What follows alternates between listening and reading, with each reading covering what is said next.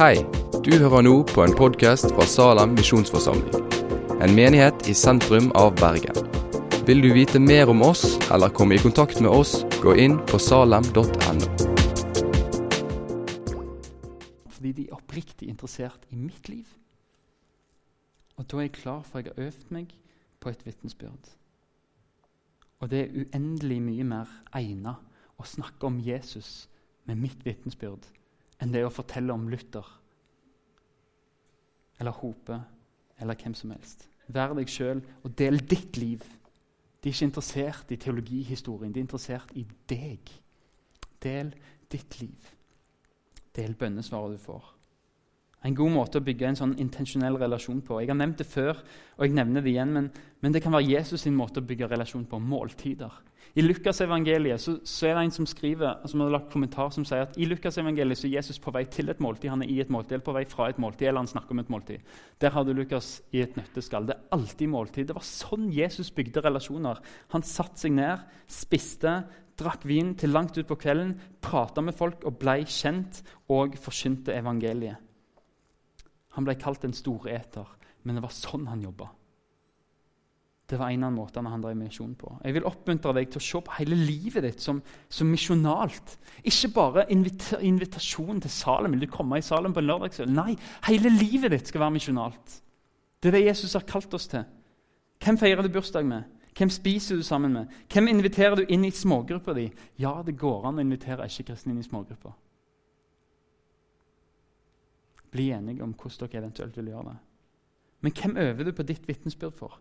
Hvem ber du for? Hvem går du på fjelltur med? Hvem, prøv, hvem er det du prater på kafé med? Hvem er det du tar en roadtrip til Sverige med for å smake kebaben i Svinesund? Det jeg mener, er bygg relasjoner som er intensjonelle. Og så er det ikke sånn at Folk må ikke kjenne at eneste grunn til at du er med dem, for at de skal bli kristne. Nei, vet Du hva? Du får venner langs veien. Du begynner å bli glad i dem, du begynner å elske dem. Og det er først når de erfarer at du er glad i dem, det er da du får slagkraft som et vitnesbyrd. Det er da er det ikke nødvendigvis viktig hva du sier, men hvem som sier det. Du er min kompis. Takk for at du deler det som er så viktig for deg med meg. Du er sendt. La oss leve som sendte. Vi er kristne. Vi trenger å innse at vi er sendt. Vi sitter og så venter vi på et sånt kall. Men vet du, Det kallet der det er kommet for lenge, lenge, lenge siden. Du trenger ikke vente på å bli kalt, for hele denne boka her handler om at du som har tatt imot Jesus, har fått et oppdrag i å gi evangeliet videre. Gi troen din videre, for du er allerede kalt til å leve misjonalt. Og han sender deg inn i verden for at du skal være et vitnesbyrd om han. Jesus sier, 'Fred være med dere. Som Far har sendt meg, så sender jeg dere.' Og Så ånda han på dem og sa, 'Ta imot Den hellige ånd'. Vi er sendt på samme måte som Jesus er sendt. Jesus var Gud. Han ble menneske. Forsakelser. Han spiste med mennesker i hverdagen, gikk sammen med dem. Måltider, turer. Han delte livet. Og så var han sendt med Den hellige ånds kraft. Og den kraften som han hadde, og den kraften som vekte Jesus opp fra de døde, den bor i deg. Ikke vær redd for hva du skal si når du har Den hellige ånd. Bare gå i de ferdiglagte gjerningene, i de relasjonene som han gir deg, og så lar du han virke når du bare søker han i Bibel og bønn. Bare vis meg neste skritt. Den samme kraften som Jesus gikk med. Du har tatt imot Den hellige ånd som utruster og leder. Hold deg nær til Jesus. Følg han, så skal han gjøre deg til menneskefisker. Det er òg et steg. Anse deg sjøl som sendt. Vi må innse at vi som kristne er sendt. Det fins bare to typer mennesker i verden.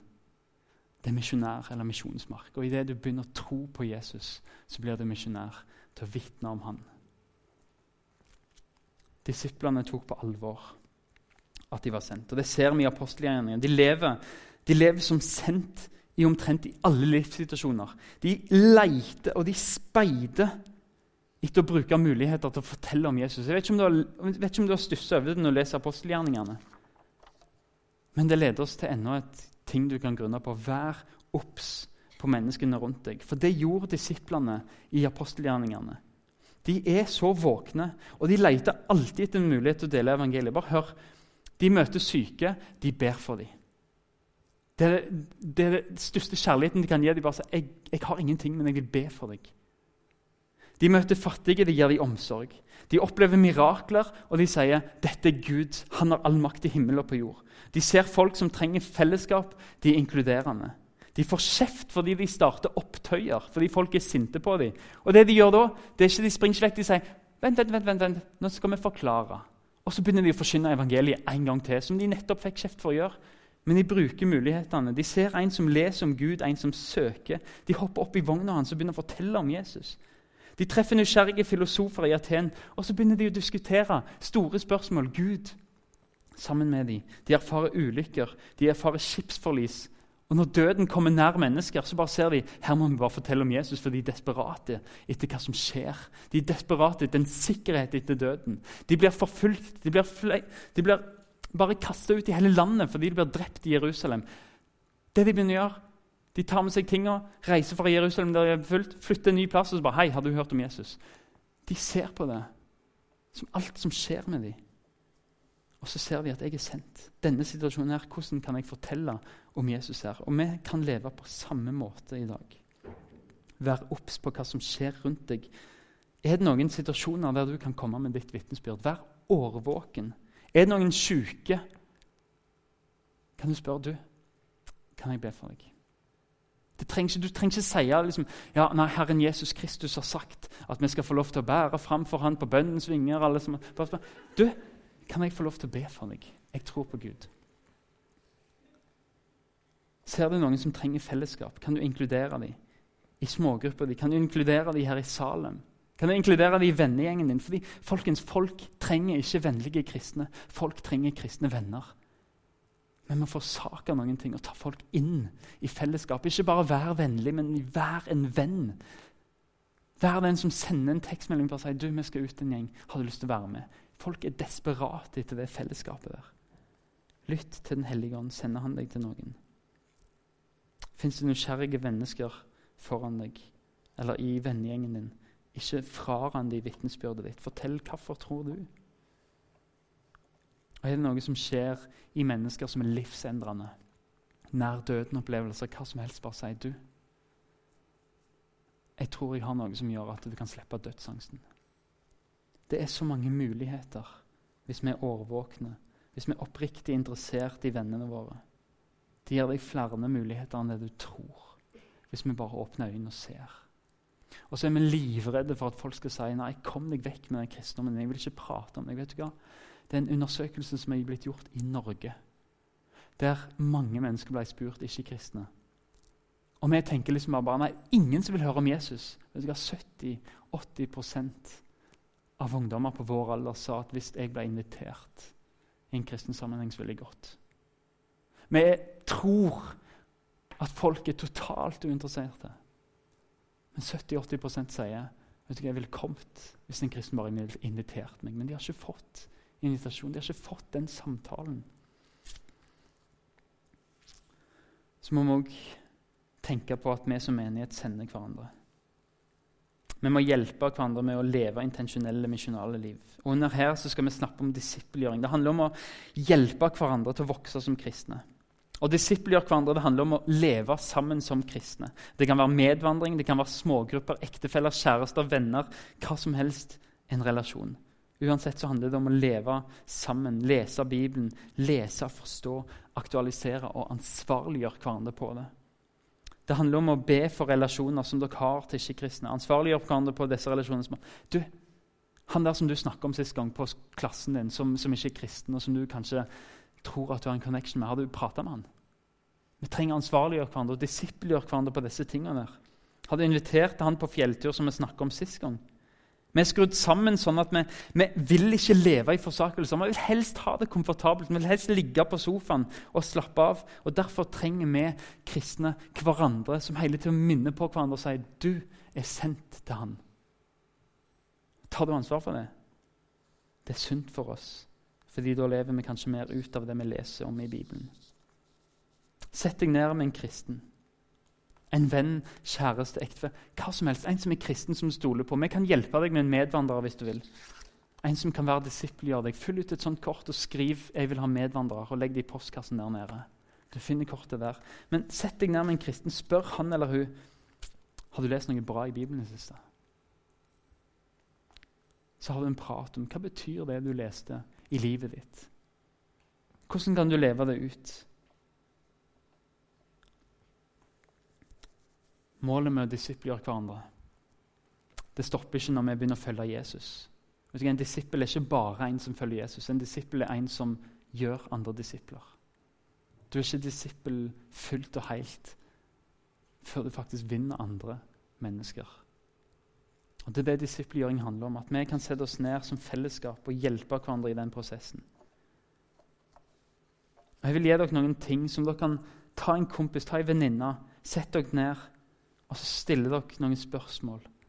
Snakk og Noen tips kan være så enkle som dette. her. Har du lest noe bra i Bibelen i det siste? Så ansvarliggjør de, så på en måte viser at du forventer at vi to, når vi prater, så har vi lest Bibelen i mellomtida. Du skaper en forventning at de prioriterer det.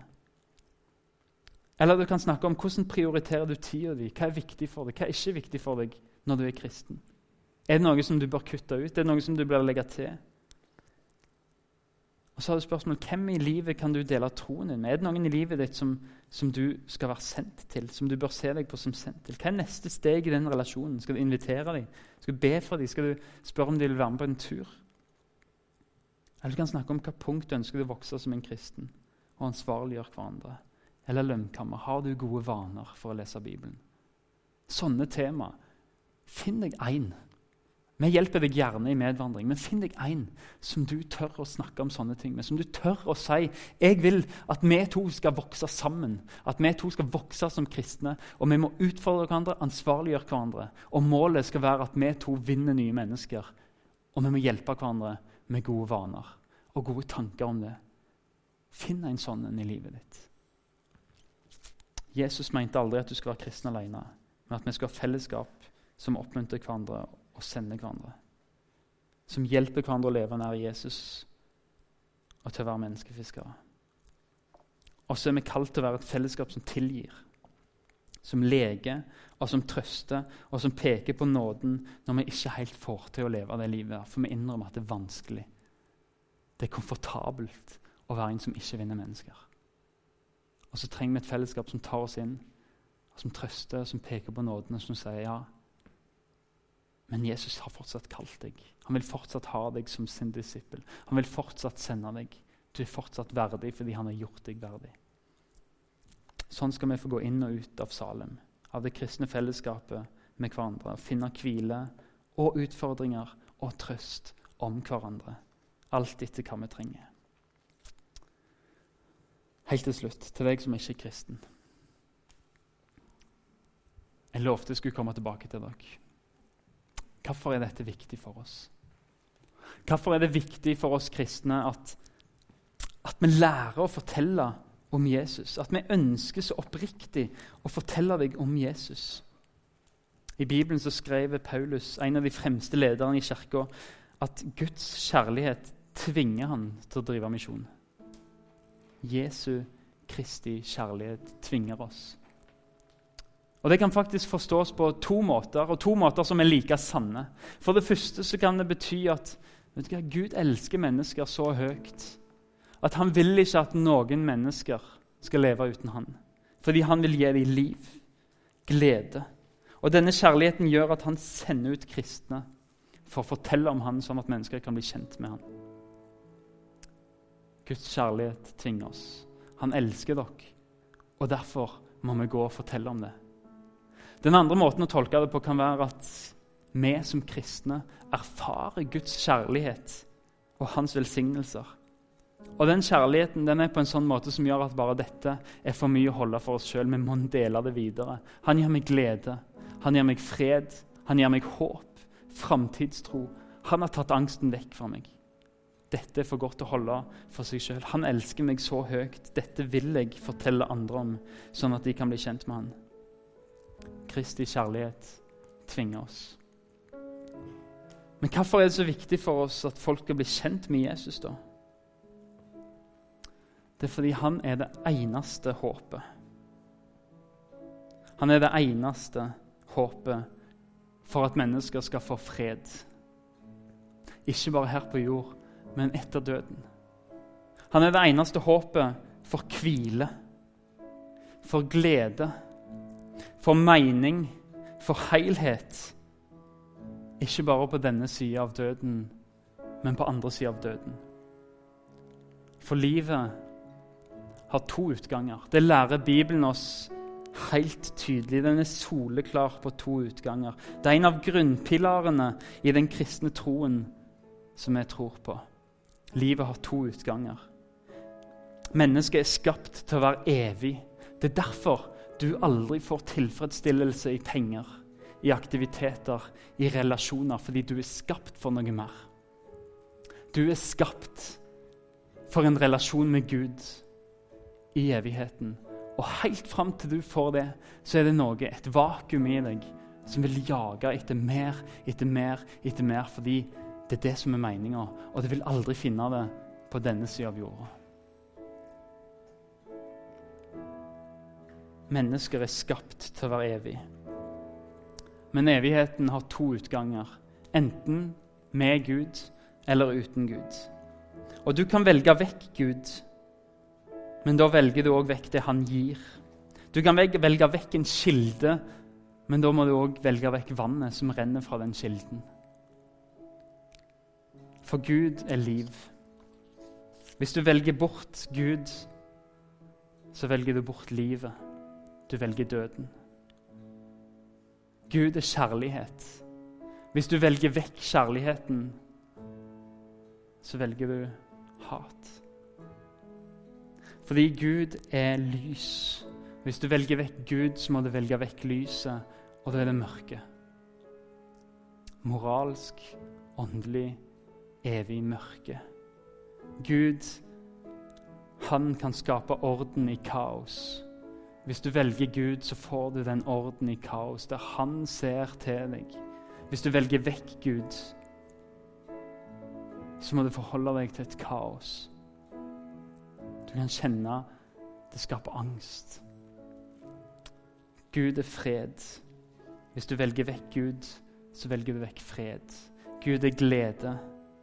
Hvis du velger vekk Gud, så velger du sorg. Gud er oppstandelsen fra de døde. Hvis du vil velge vekk Gud, så velger du vekk evig liv. Jeg vet ikke hvordan døden Hvordan livet etter døden kommer til å se ut som. Men jeg vet at enten så er det med Gud, eller så er det uten Gud. Enten er det med Gud, som er kjærlighet, liv, lys, glede, fred, oppstandelse. Eller så er livet uten Gud. Da velger du vekk kilden til alt det, og så velger du det motsatte. Mørke, kaos, frykt, hat og død. Og Gud har skapt hele verden. Hvis vi ser på det at Gud har skapt verden, og alt er hans, så er alle som sitter her inne, hans. Vi tilhører han fordi han har skapt oss. Det vil si at hvis du gjør noe gale mot én, ett menneske, så gjør du egentlig noe gale mot Gud. Det er han du krenker fordi du krenker hans skapning, noe som er hans. Det vil si at Gud er den eneste som kan tilgi synd. Gud er den eneste som kan tilgi deg. Hvis du velger vekk Han som tilgir,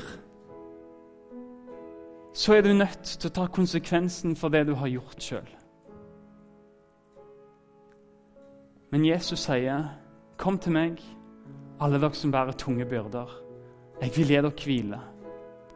Han vil gi tilgivelse til den som kommer.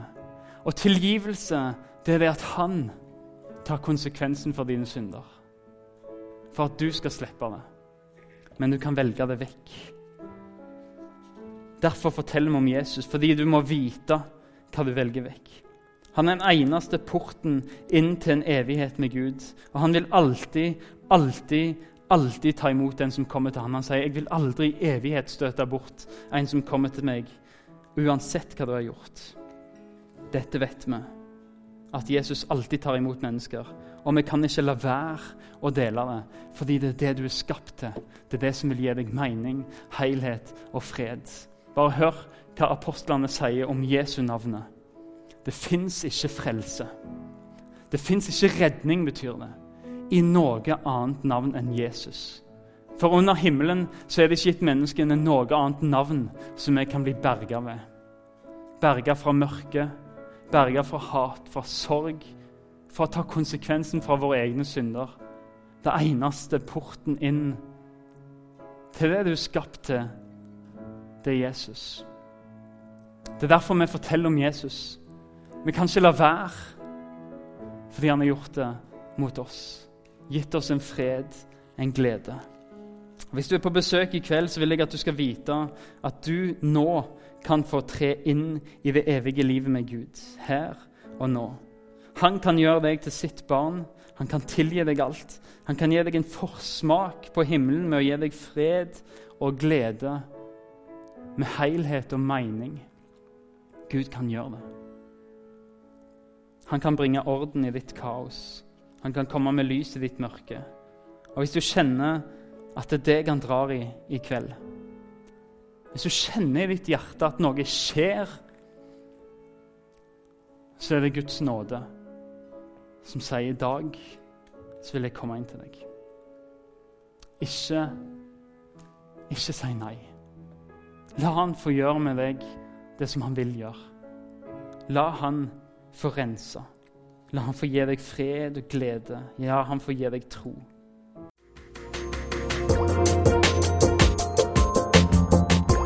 Takk for at du har hørt på podkasten fra Salem, Bergen. I Salem vil vi vokse i et stadig dypere fellesskap med Gud og med hverandre.